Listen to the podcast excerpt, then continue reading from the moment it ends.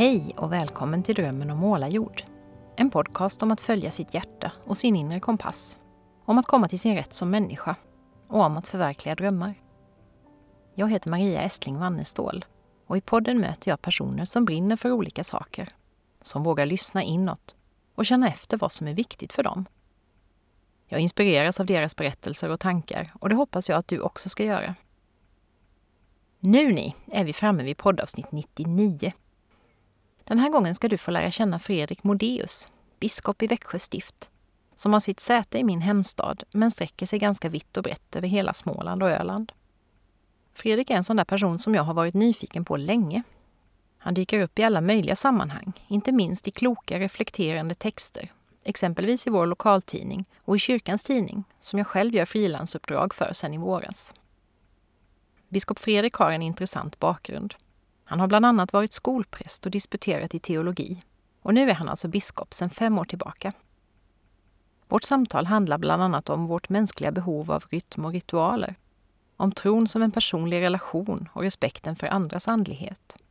Om betydelsen av ett existentiellt hälsoperspektiv. Om kyrkan som förvaltare och förnyare. Om engagemang och solidaritet som tar sig nya uttryck i vår tid.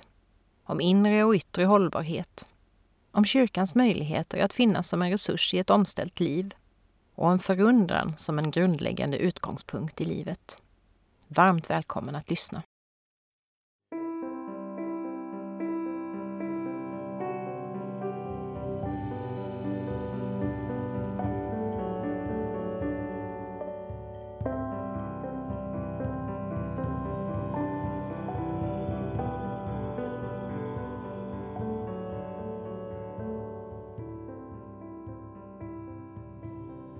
Då du, Fredrik, då vill jag hälsa dig hjärtligt välkommen till Drömmen om målarjord som är min podd.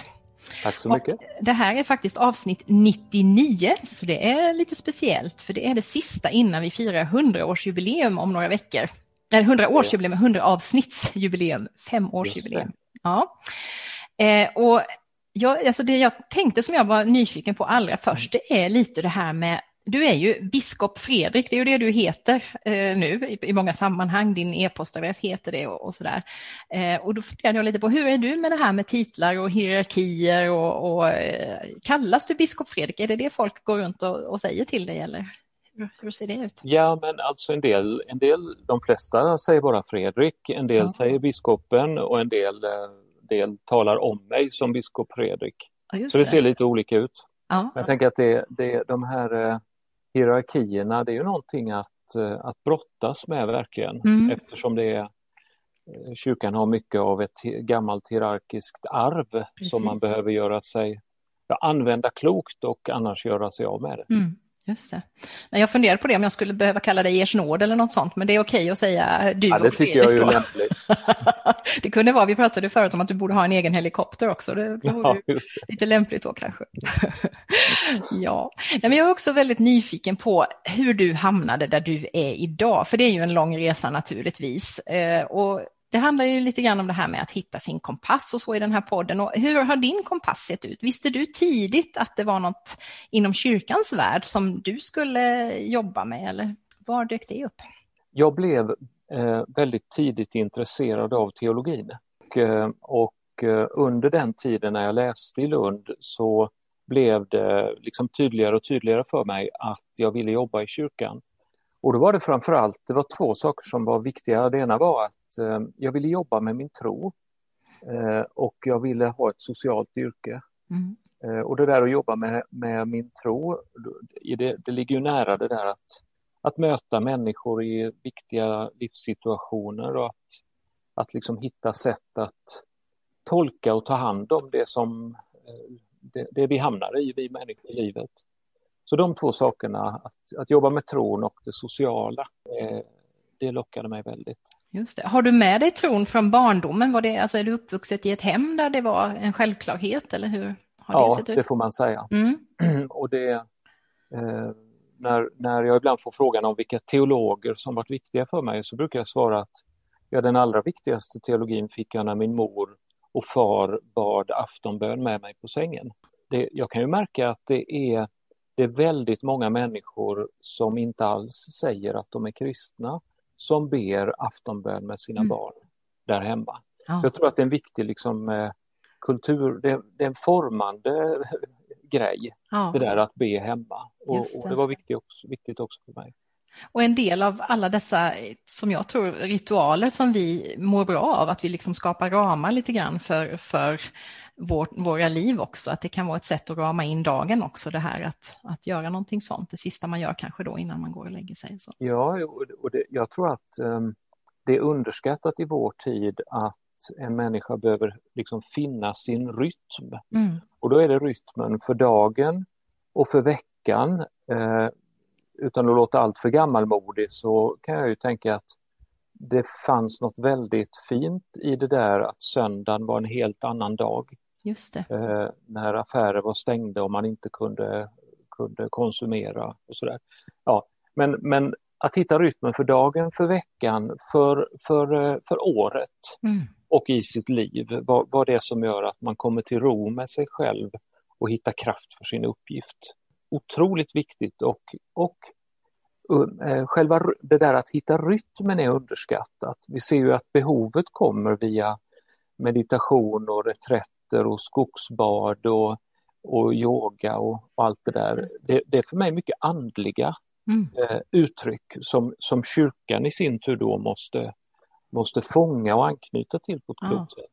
Ja, jättespännande. Jag bloggade precis om det här med rytm och, och, ritualer och rutiner och så för ett par veckor sedan. För att jag insett det att jag, ju äldre jag blir så märker jag att jag får större och större behov av just de där rytmerna att följa, precis som du säger, följa dagens rytm och följa veckans rytm och följa årets rytm. Och till exempel det här med när när funkar jag väldigt mycket i att jobba mycket och när behöver jag ha mer återhämtning och följa med i kanske naturen där till exempel. När, när naturen går till vila så kanske jag också behöver vila mer och så där. Så det där tycker jag är jätte, jättespännande och, och viktigt. Och jag satt på förmiddagen eh, och skrev om på en text till en artikel som handlar om så att, pan, att pandemin tar ifrån oss våra traditioner. Därför att det är också ett sätt att säga att det, jag brukar alltid säga att en tradition är aldrig bara en tradition. Utan den är ju, den är ju en, en rit och ett sätt att rama in och, mm. och att återkommande göra. Varför då? Jo, för att någonting är viktigt för en. Precis. Och det har vi ju förlorat, men, men det är del i det här rytmtänkandet. Mm.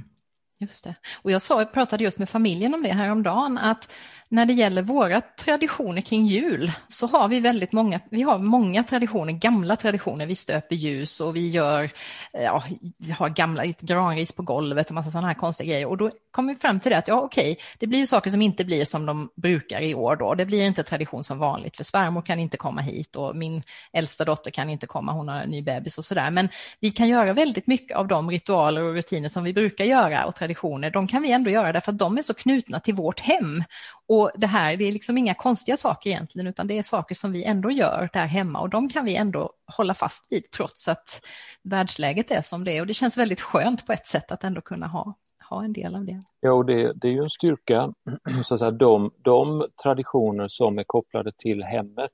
Mm. Det som ibland kan bli svårt är ju då att de människor som vi brukar vilja ha på plats inte kan vara på Nej, plats. Just det. Och, och eh, de traditioner som är mer kollektiva i samhället, de har vi ju blivit tvungna De blir mycket svårare. Ja. ja, det är spännande. Vi kommer nog tillbaka till en del där tror jag. Men jag är också lite nyfiken på de här. Jag, jag läste nu att du firar 30 år som präst nästa år, va? Mm, stämmer. stämmer. Och hur, alltså den resan, har du några milstolpar under den eh, resan som har varit viktiga för dig? Har du några så här vägskäl eller saker som har betytt mycket längs vägen? Eh, jag, eh, det, var, det var väldigt viktigt att vigas till präst, eh, om det där med vigningen och hur den kan vara en styrka, någonting som man kan, mm. kan minnas och liksom vila i. Men sen, sen skulle jag säga att alla, är ett lite tråkigt svar, men alla erfarenheter har varit viktiga. Mm. Jag var skolpräst några år och det där att vara nära unga människor har mm. nog präglat mig väldigt mycket. Jag var kyrkoherde i en församling där vi formade ett arbete som gjorde att kyrkan var proppfull varje söndag året runt. Wow. Alltså ganska ovanligt i, jag har skrivit en bok om det också, eh, lite ovanligt i Svenska kyrkan. Ja. Men det, det, blev ett sammanhang som blev så fantastiskt viktigt för människor mm. så att eh, man ville liksom höra till och, och kunna, det blev en plats att prata om sitt liv och att tolka ljuset av kristen tro och, och mm. sådär. Mm. Just det. Det, det. är väldigt viktigt. Sen gjorde jag några år på universitetet eh, och märkte att jag inte ville vara på universitetet. Nej, det var jag ju nyfiken på som har hoppat av den karriären. Också. Ja, och jag, jag faktiskt... Jag, jag hade en, en doktorandtjänst på 90-talet som jag hoppade av till allas förvåning för jag tyckte att det var för trist. Mm. Och sen fick jag en, en doktorandtjänst i, i 2008 och skrev en avhandling och gjorde det klart och sådär. Men, men eh, det är en miljö som blir lite för steril för mig. Det är för mm. lite blandning av teori och praktik. Alltså teologin och livet måste, måste växelverka. Jag tror också jag gör mig bäst där. Jag, är ingen, mm. jag tror inte att jag är en lysande forskare och det kan andra göra bättre än jag. Ja. hade just ett samtal med en person igår om, om det där med vad är egentligen en bra forskare och vem, vem är bra och att man kan ha så olika syn på vad det är som är viktigt i det man forskar om. Jag vet att jag satt på möten, för jag har varit en ganska praktiknära forskare som tyckte att man skulle vara ute, jag jobbade inom eh, språkdidaktik då, jag tyckte man skulle vara ute i klassrummen och ta reda på saker och prata med elever och, och lärare och observera och sådär. Och så satt jag ju på möten där man kunde ha en, en diskussion där man sa att nej men vi kan ju inte röra oss i klassrummet, vi måste ju lyfta det här till en mycket mer teoretisk nivå. Och då tyckte jag att om man bara ska röra sig där uppe i teorin, då blir, då blir ju teorin ganska meningslös om den inte har någon som helst anknytning till praktiken. Så jag hade väldigt svårt att, att anamma det. Och, och, och eh, samma här, min avhandling är rätt så mycket kopplad till eh, det jag var med om i den här församlingen som blev mycket levande. Mm. Eh, så så, så jag, jag, delar helt den uppfattningen och, det, och, det, och om man inte får utrymme för det hade jag väl kanske fått och det fick jag när jag skrev. Men, men det är som att hela den akademiska miljön blir lite för, eh, lite för det blir lite för teoritungt. Liksom. Ja.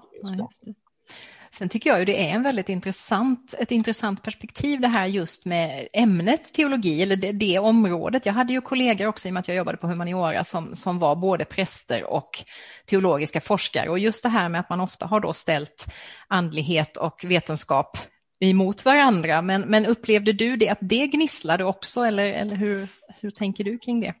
Nej, det, det, det upplevde jag inte på min institution. Då var jag liksom renodlat på en teologisk institution. Men mm. jag, jag ser väldigt många spår av det.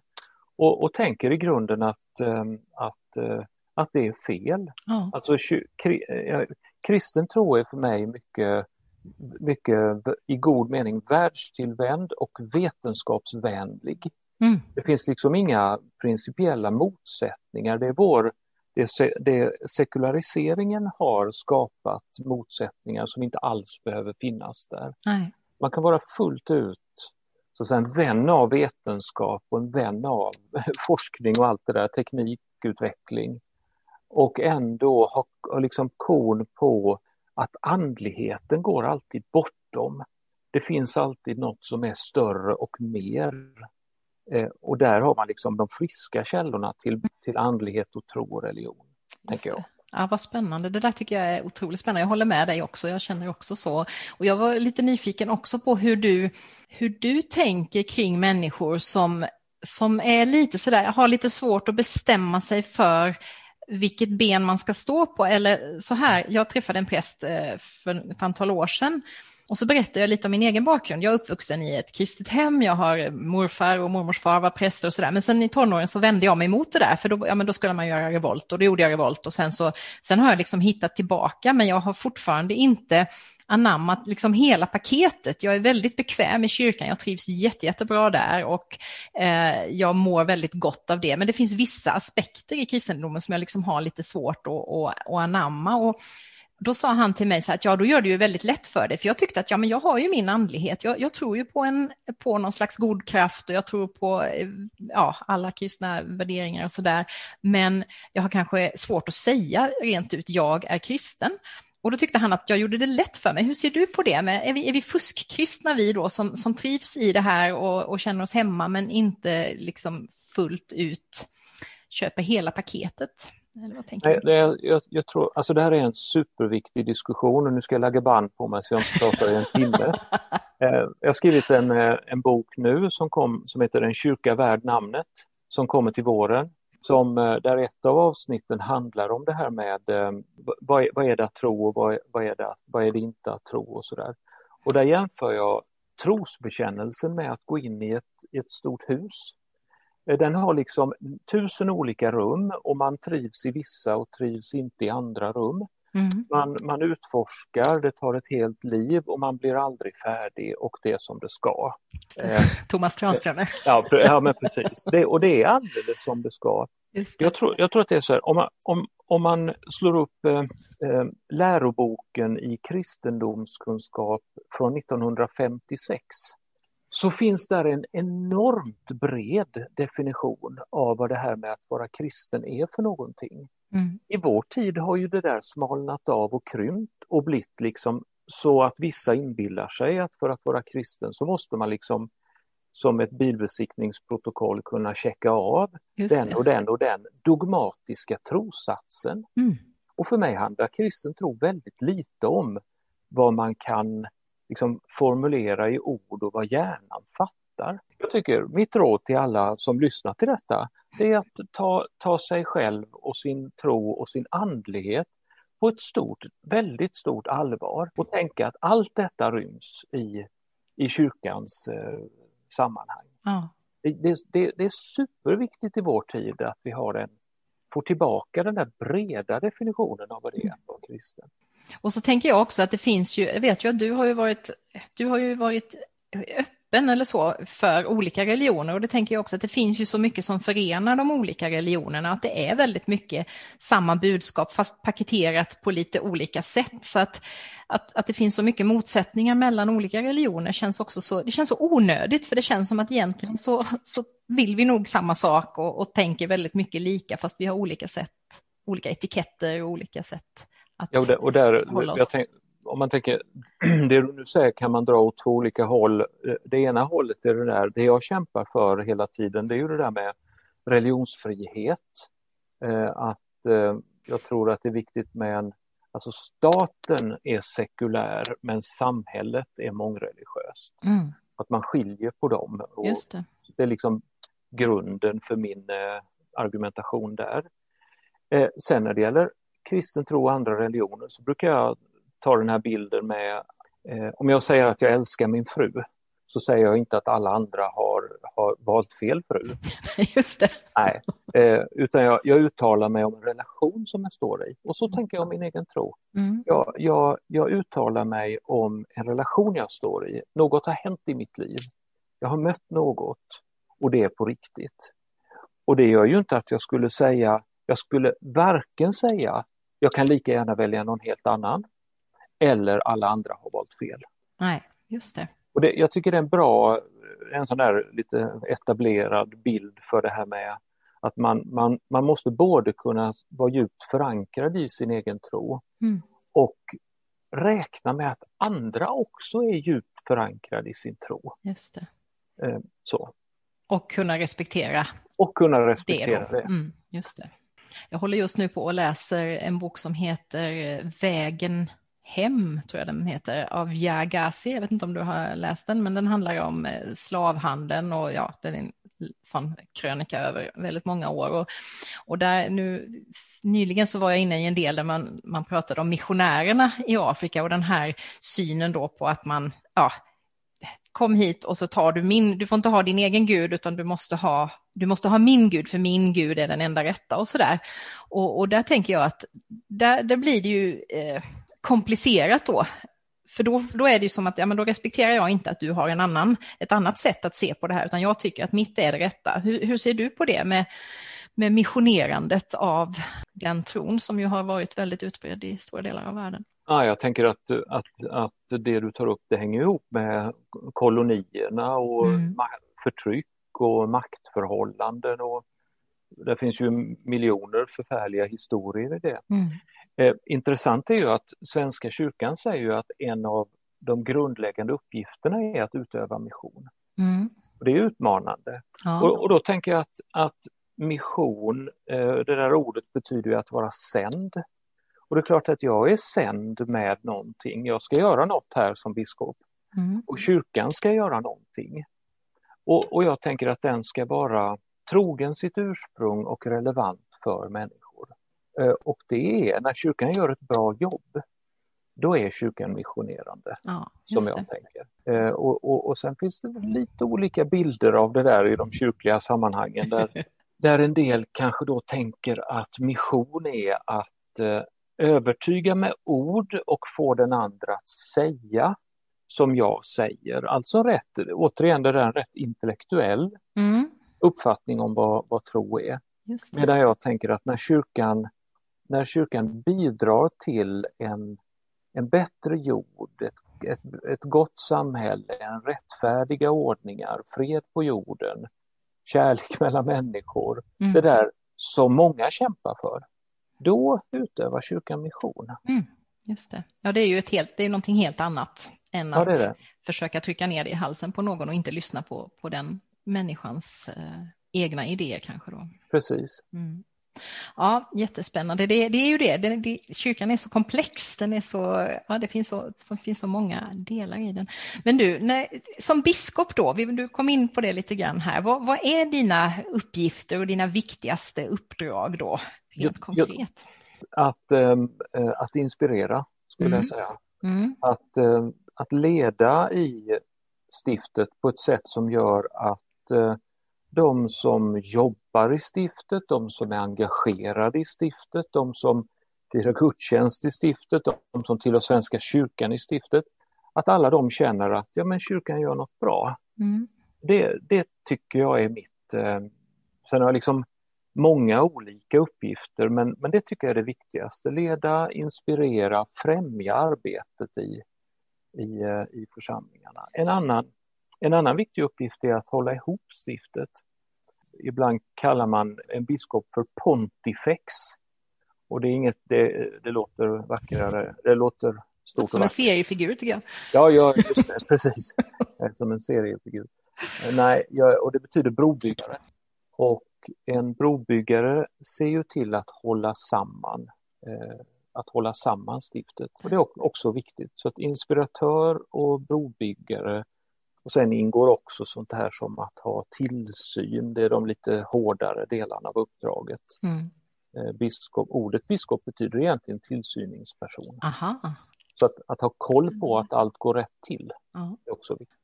Men vad roligt för att det du beskriver när du beskriver då, inte tillsyningsbiten, men de andra två, inspiratörer och brobyggare, det är precis det som jag egentligen eh, strävar efter att jobba med, fast då på ett annat sätt, genom att eh, podda, genom att skriva böcker och föreläsa. Och just det där bygga broar mellan världar, det, det är något som jag har Eh, både pratat och skrivit ganska mycket om. Att I mitt fall har det handlat mycket om just att bygga broar till exempel mellan vetenskap och en mer andlig eh, sida. Eh, för att jag har känt att jag står med ett ben i varje och jag kan vara en person som kan eh, ja, på något vis stå för trovärdighet i båda, båda lägena och därmed hjälpa till att skapa acceptans för för eh, de olika sidorna. Och det, det, jag tycker det är så spännande. Såna, den typen av sammanhang eller uppdrag där jag känner det, att jag får, får vara brobyggaren. Jag får vara det, till exempel så eh, när det gäller hållbarhet som jag har jobbat ganska mycket med också, så är det också en sån där grej där jag å ena sidan lever ett väldigt mycket vanligt svenssonliv, å andra sidan lever ett ganska omställt liv om man tänker till, eh, ja, vi har gjort ganska mycket i familjen och förändrat livsstil och sådär. Och att just det där, få stå med ett ben i varje läge, för jag kan prata, det är det där prata med bönder på bönders vis och, och lärde mig på latin också lite grann, att jag, kan, jag finns fortfarande kvar i den världen som kanske inte har kommit till de tankarna.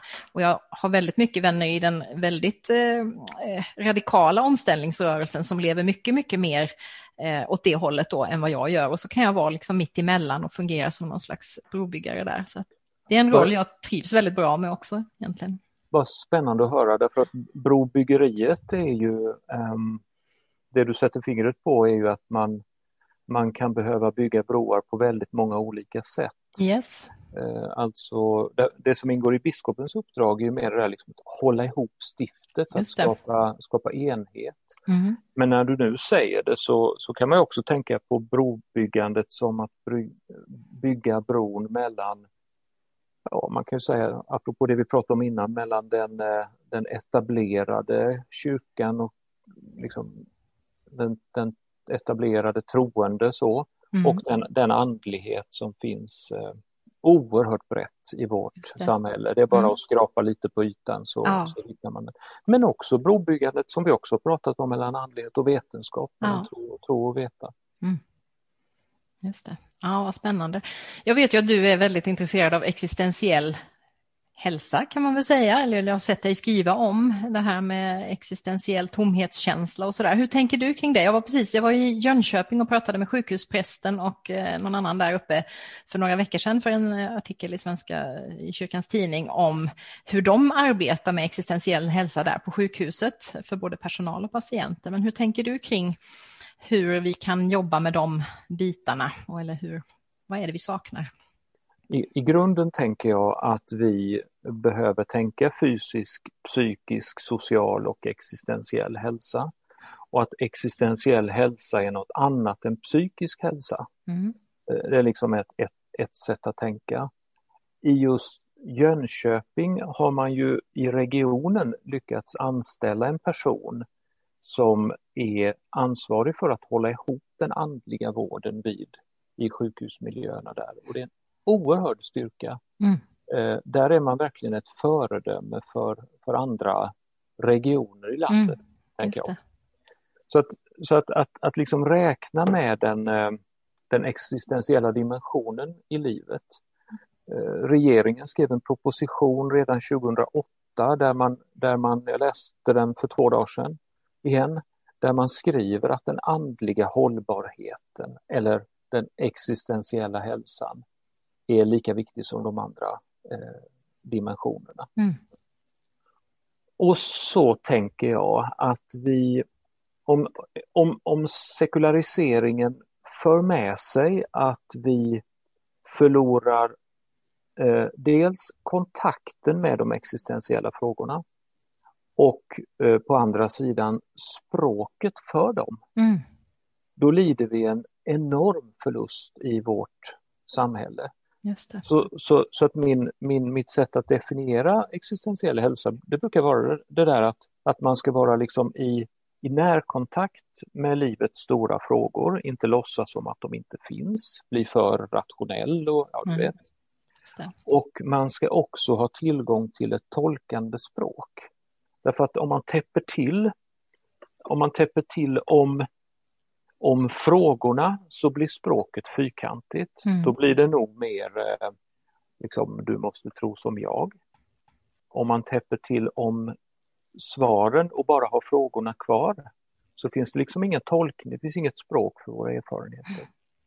Spännande och jag tänker att det, det kan ta sig, det här kan arbetet med de här frågorna kan ta sig så många olika uttryck också. Det tycker jag är jätteintressant. Jag leder ju samtalscirklar till exempel på Sensus då som jag känner att där, det är ju, jag har inte satt ord på det tidigare, men efter att jag hade varit i Jönköping och pratat med dem så insåg jag ju att ja, men det är ju existentiellt hälsoarbete vi jobbar med jättemycket där, för där pratar vi mycket om stora frågor. Kanske det har inte varit så mycket om andlighet, men, men det har ändå varit saker som tangerar det här med ja, men de här åtta dimensionerna som, som Världshälsoorganisationen har eh, satt upp till exempel. och Så, där. så att det, det tänker jag att samtalen är ju ett sådant sätt och sen finns det väldigt många sätt. Skrivandet kan jag ju också uppleva som ett sätt att, att jobba med existentiell hälsa för jag kan skriva om de här frågorna, jag kan läsa om, om frågorna och reflektera eh, och så där. Så det finns, det finns många, många vägar och så naturligtvis i, i kyrkorummet och, och eh, det som händer där och så.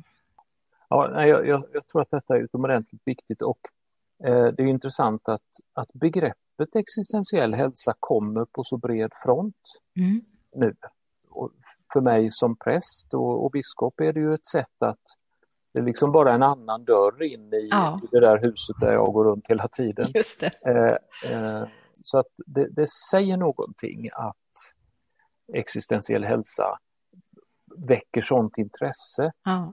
Eh, inte minst i vårdmiljöerna.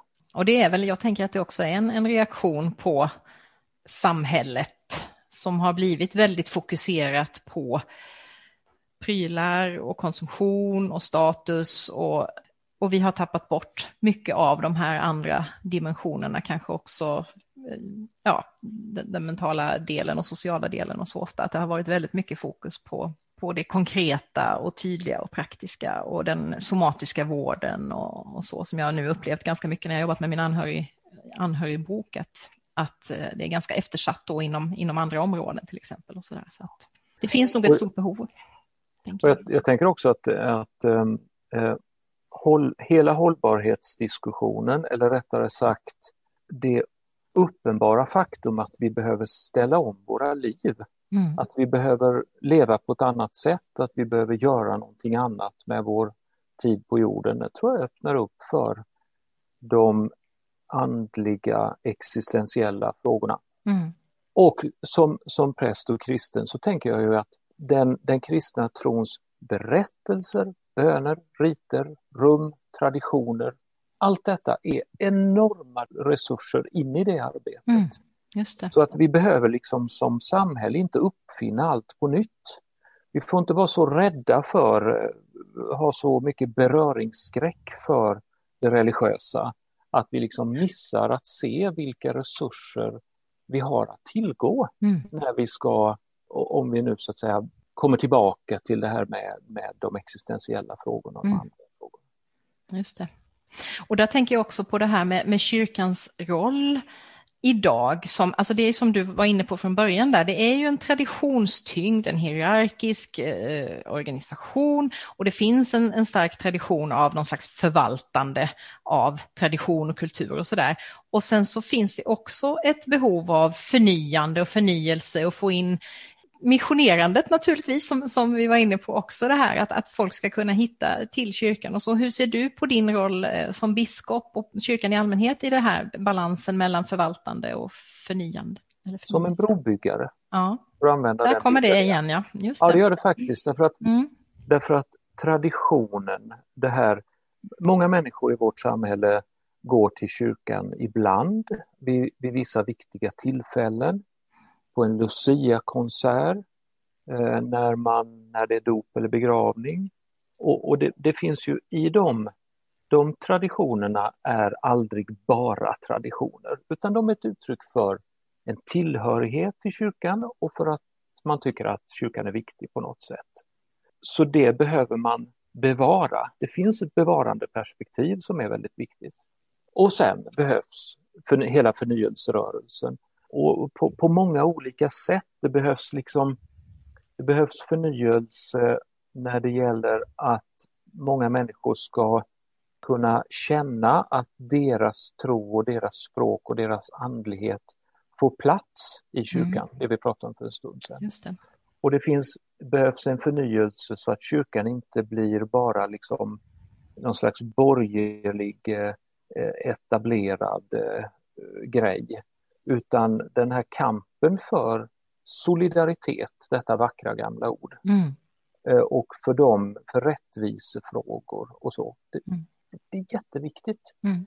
Men man behöver inte spela bort traditionskorten och, och liksom det här att, att vissa mest ser kyrkan som en traditionsmarkör, för det är också viktigt. Mm.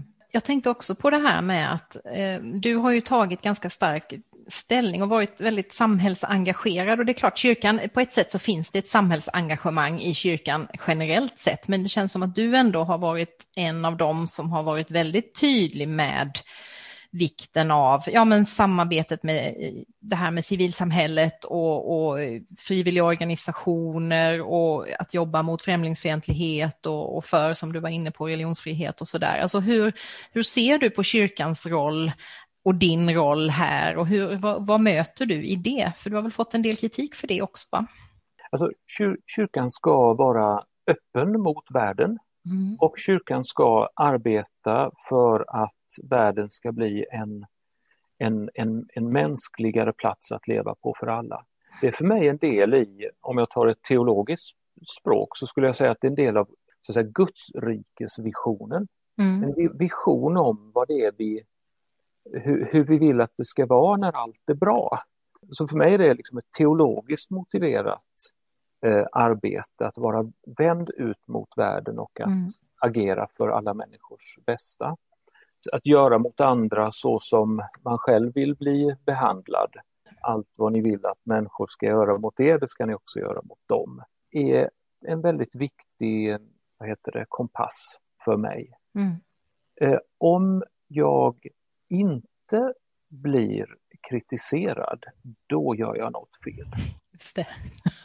det är bra. Alltså därför jag kommer aldrig någonsin att liksom försöka styras av eller styras av ifall folk tycker att jag gör... Alltså jag, det är min uppgift att, eh, att göra det jag tror på mm. och det jag tror är, är rätt. Mm. Eh, vi hissade ju till exempel hbtq, eh, regnbågsflaggan utanför Östrabo för första gången för, om det var 2017 eller 2016. Och det, det väckte ju förfärlig halabaloo mm. i vissa sammanhang. Men jag menar att det är ett sätt att se och uppmärksamma människor som förföljs, som torteras, som dödas, som lider mm. eh, långt borta och som också liksom, utsätts här hemma. Precis. Och hela den rörelsen har ju ett kärleksbudskap som ju stämmer väldigt väl överens med den kristna kyrkans kärleksbudskap också. Ja. Så det finns ju egentligen ingen motsättning där. Vilket jag tycker kan vara så frustrerande då när man, när man möter den typen av ja, motstånd mot att ha den inställningen. Det, kän, det känns så, ja, det känns så, det blir, så, det blir väldigt eh, konstigt på något sätt. Mm. Att å ena sidan predika kärleksbudskapet och å andra sidan säga nej till då, eh, uttryck för det. Ja, jag håller helt med dig och, och i alla de, det finns ju liksom x antal frågor som är känsliga och omdebatterade. Eh, och där tänker jag fortsätta att ta ställning och att ur mitt perspektiv då tolka evangeliet, Jesu budskap på ett sätt som jag menar är det riktiga i vår tid. Mm. Det, det, tycker jag är kyrkans ansvar och, och, när jag då är kyrkans företrädare just här så ska jag göra det. Mm, just det. Har ditt samhällsengagemang alltid funnits där? Var du en sån som var engagerad liksom redan som barn eller är det någonting som har växt fram genom åren? Eller? Det var en klurig fråga. Jag skulle säga att det har, det har vuxit fram genom livet. Jag, som tonåring var jag nog inte särskilt... Eh, nej, det var liksom en annan tid av livet. Jag, mm. Jag upptäckte kyrkans sammanhang under tonåren och det var väldigt viktigt för mig. Mm. Och de sammanhang som jag, jag upptäckte var inte, hur ska jag uttrycka det, särskilt aktivistiska. Nej. Eh, så. Och sen har det generella samhällsengagemanget har nog liksom alltid funnits där men vuxit under åren. Jag har en son som är statsvetare mm. som jag nog också hade blivit om jag inte hade blivit teolog. Ja, det. Så det, det, det, ligger väldigt nära men här, den här, eh, den här liksom blicken för ansvaret för de som hamnar i kläm. Mm. Den har nog vuxit genom åren och blivit ännu tydligare under min biskopstid därför att ja. jag ser att jag kan göra skillnad. Just det, det är ju det också, kunna påverka.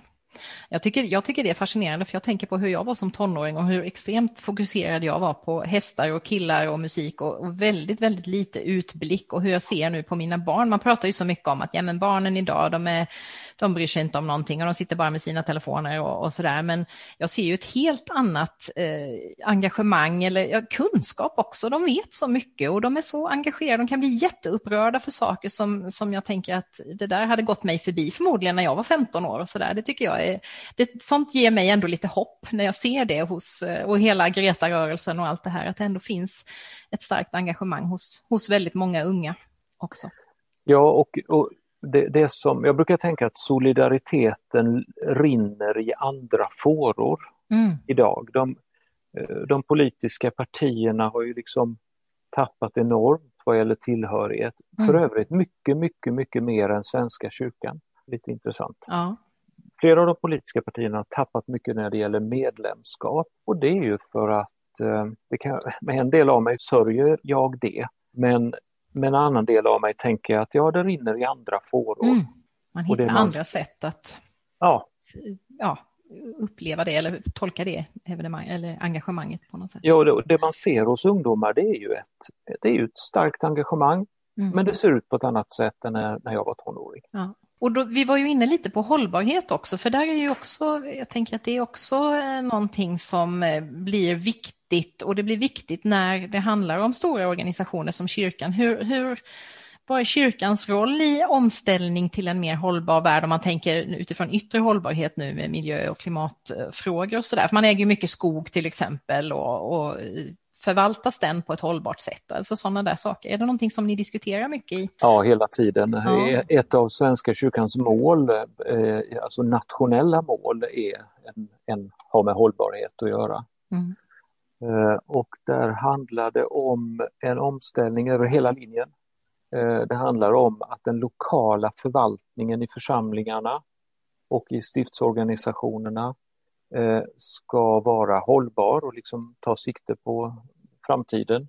Mm. Det handlar i mycket hög grad om den svåra frågan om skogsbruket. Där det då är en ständig, jag ska inte säga kamp, men en, en, eh, det är liksom olika värden. Det, det är mm. viktigt mm. att förvalta skogen så att den ger avkastning. Och det är viktigt att förvalta den på ett sätt som bidrar till hållbarheten. Jag mm. menar ju att vi gör det, men alla menar inte det.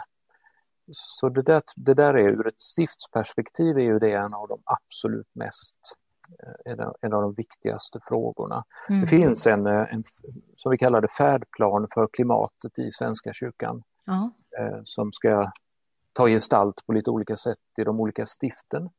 Eh, och den är på gång, vi ska ha ett seminarium om det nästa vecka.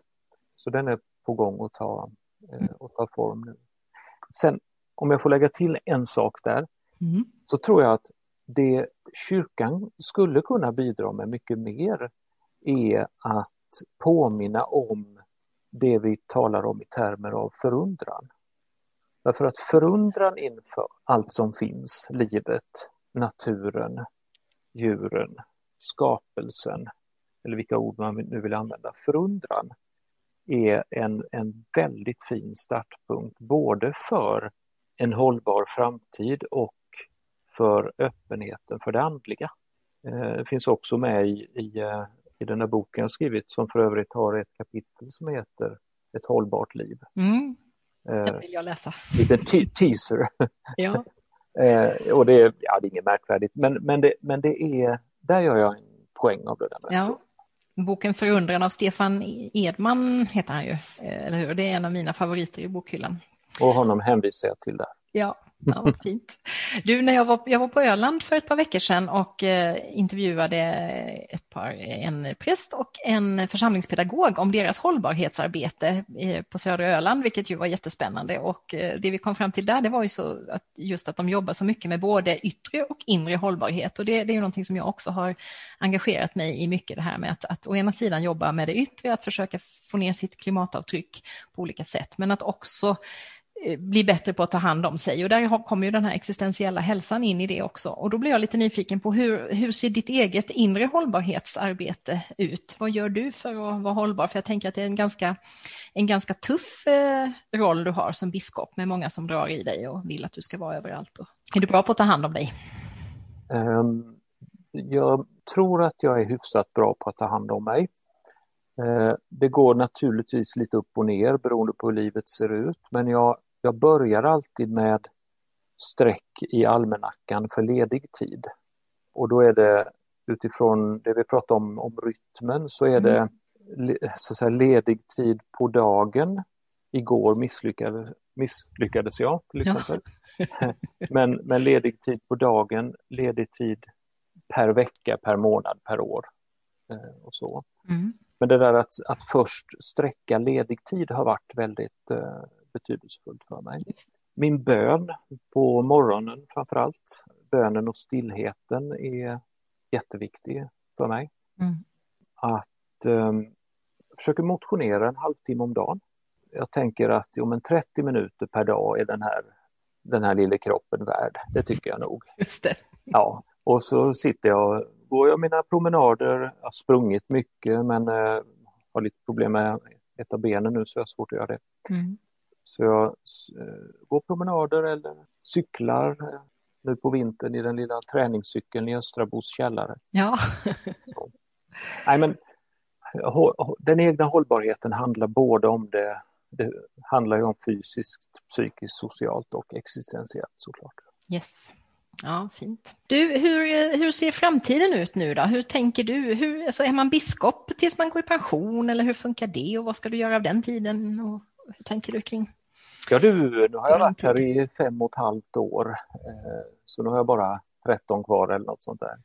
Men ja, man, man, när man vigs till diakon, präst, biskop så vigs man ju för sitt liv. Mm. Eh, så för oss är det ingen skillnad i den meningen med pensionen. Man är, lika mycket, eh, man är liksom kvar i sin vigning hela livet. Mm. Men, och, och det, det, normala, det vanligaste är att man, man är biskop tills man går i pension. Eh, så det tänker jag vara. Mm. Och vad tänker du, vad vill du göra med den tiden som är kvar? Vad är dina viktigaste mål då tror du? Om du har några? Jag har lite för många. Uh, jag, jag, vill verka för att kyrkan ska bli en plats där allt mänskligt får plats. Eh, jag vill verka för en kyrka som gör skillnad i världen för utsatta människors skull. Jag vill verka för att religion inte uppfattas som något skumt utan som något eh, som hör till livet. Jag vill verka för att unga människor hittar en plats i i kyrkan. Jag vill verka för att eh, vi liksom återfinner det livstolkande fantastiska språket som finns i, den, i kyrkans tradition. Och 50 saker till. Ja, det låter som en liten nätt plan. ja, det, nej men jag, jag tror att mm. ut, utmaningen är väl att liksom hålla, eh, att hålla liv i ett ledarskap över lång mm. tid. Just och det är jag inte alldeles säker på att det är lätt. För det kräver ju, det kräver ju en del ja. och det kräver framförallt mig på mycket energi. Mm. Jag måste vara på tårna och jag behöver vara liksom aktiv och engagerad och, och hela tiden leta efter det som är min roll och kyrkans roll och, och de viktiga frågorna och så. Mm. Man kan inte slappna av på det sättet och det, det ser jag som en utmaning. Just det. Men du har inte någon gång tänkt att åh, varför gjorde jag det här?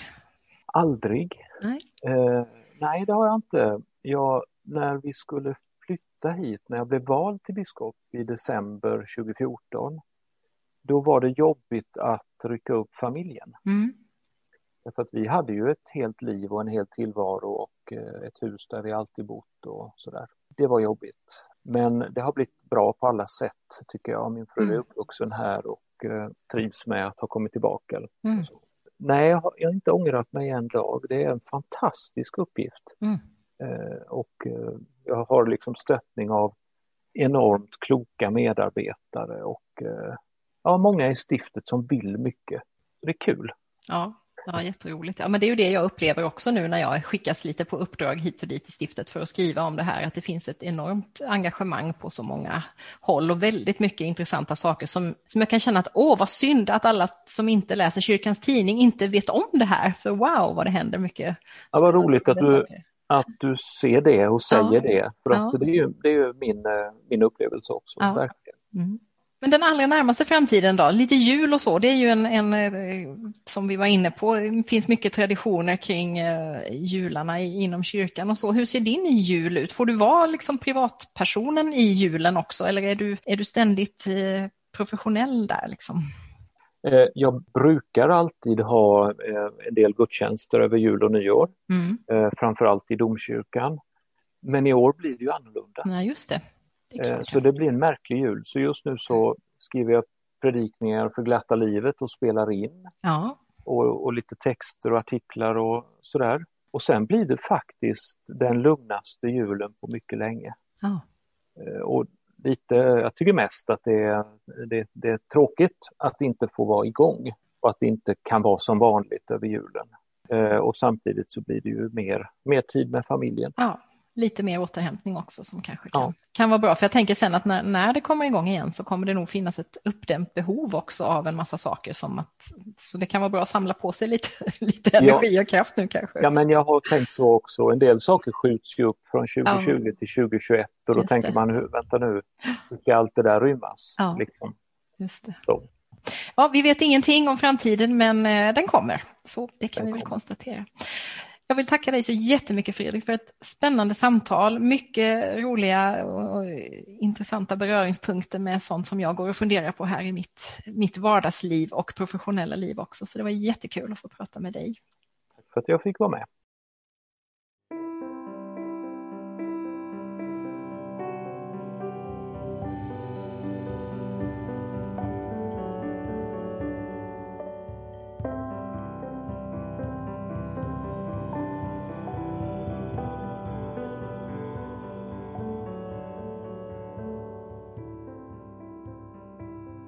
Visst är det en klok och sympatisk biskop vi har här i Växjö. Jag är väldigt tacksam över att det är just han som leder kyrkans arbete på min lilla plats på jorden. Det finns många tankar jag tar med mig från vårt samtal. Som det där med att få lov att ha en personlig relation till sin andlighet, även om man inordnar sig inom en specifik religion. Om solidaritet som rinner i nya fåror. Om kopplingen mellan andlighet, förundran och omställningen till ett mer hållbart liv. Och så det där om att boka in ledigheten i kalendern först. Det smög sig in ett litet faktafel i vårt samtal.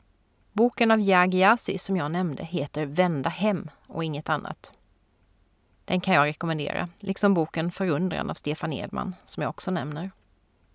Och vet ni vad? Bara ett par dagar efter vår inspelning hörde stiftet av sig och frågade om jag skulle vilja vara med på det där seminariet om färdplanen för klimatet som Fredrik pratade om. Och så skriva om det i kyrkans tidning i januari. Så himla spännande att få ännu mer inblick i kyrkans hållbarhetsarbete. Nu skulle jag vilja avsluta med att påminna dig som har varit snabb med att lyssna på det här avsnittet om att det imorgon, torsdagen den 17 december, är dags att fira Drömmen om Målarjords femårsjubileum med en digital poddfest till förmån för Sveriges Radios Musikhjälpen. I år är temat Ingen människa ska lämnas utan vård. Och genom att ge ett litet bidrag kan vi alla hjälpa till att rädda liv vi bidrar helt enkelt till att fler kan få den vård de behöver och har rätt till, det som finns med bland FNs globala mål, Agenda 2030. Det kommer också att bli livepodd med min poddklan och en liten incheckning med alla deltagare. Jag ser så mycket fram emot att träffa er. Du hittar en länk till Facebook-evenemanget på poddens webbplats, drommenommalajord.se. Om du inte kan vara med imorgon kan du lyssna på poddsamtalet lite senare eftersom jag lägger upp det bland övriga avsnitt i nästa vecka. När jag släpper det här avsnittet så är det ju redan 16 december, men det finns fortfarande några luckor kvar att öppna i min julkalender, som i år består av ett inspelat tankefrö varje dag. Och du kan förstås också gå tillbaka och lyssna på dem i efterhand. Allt finns samlat på poddens webbplats. Stort tack för att du har lyssnat idag och varmt välkommen tillbaka. Hej då!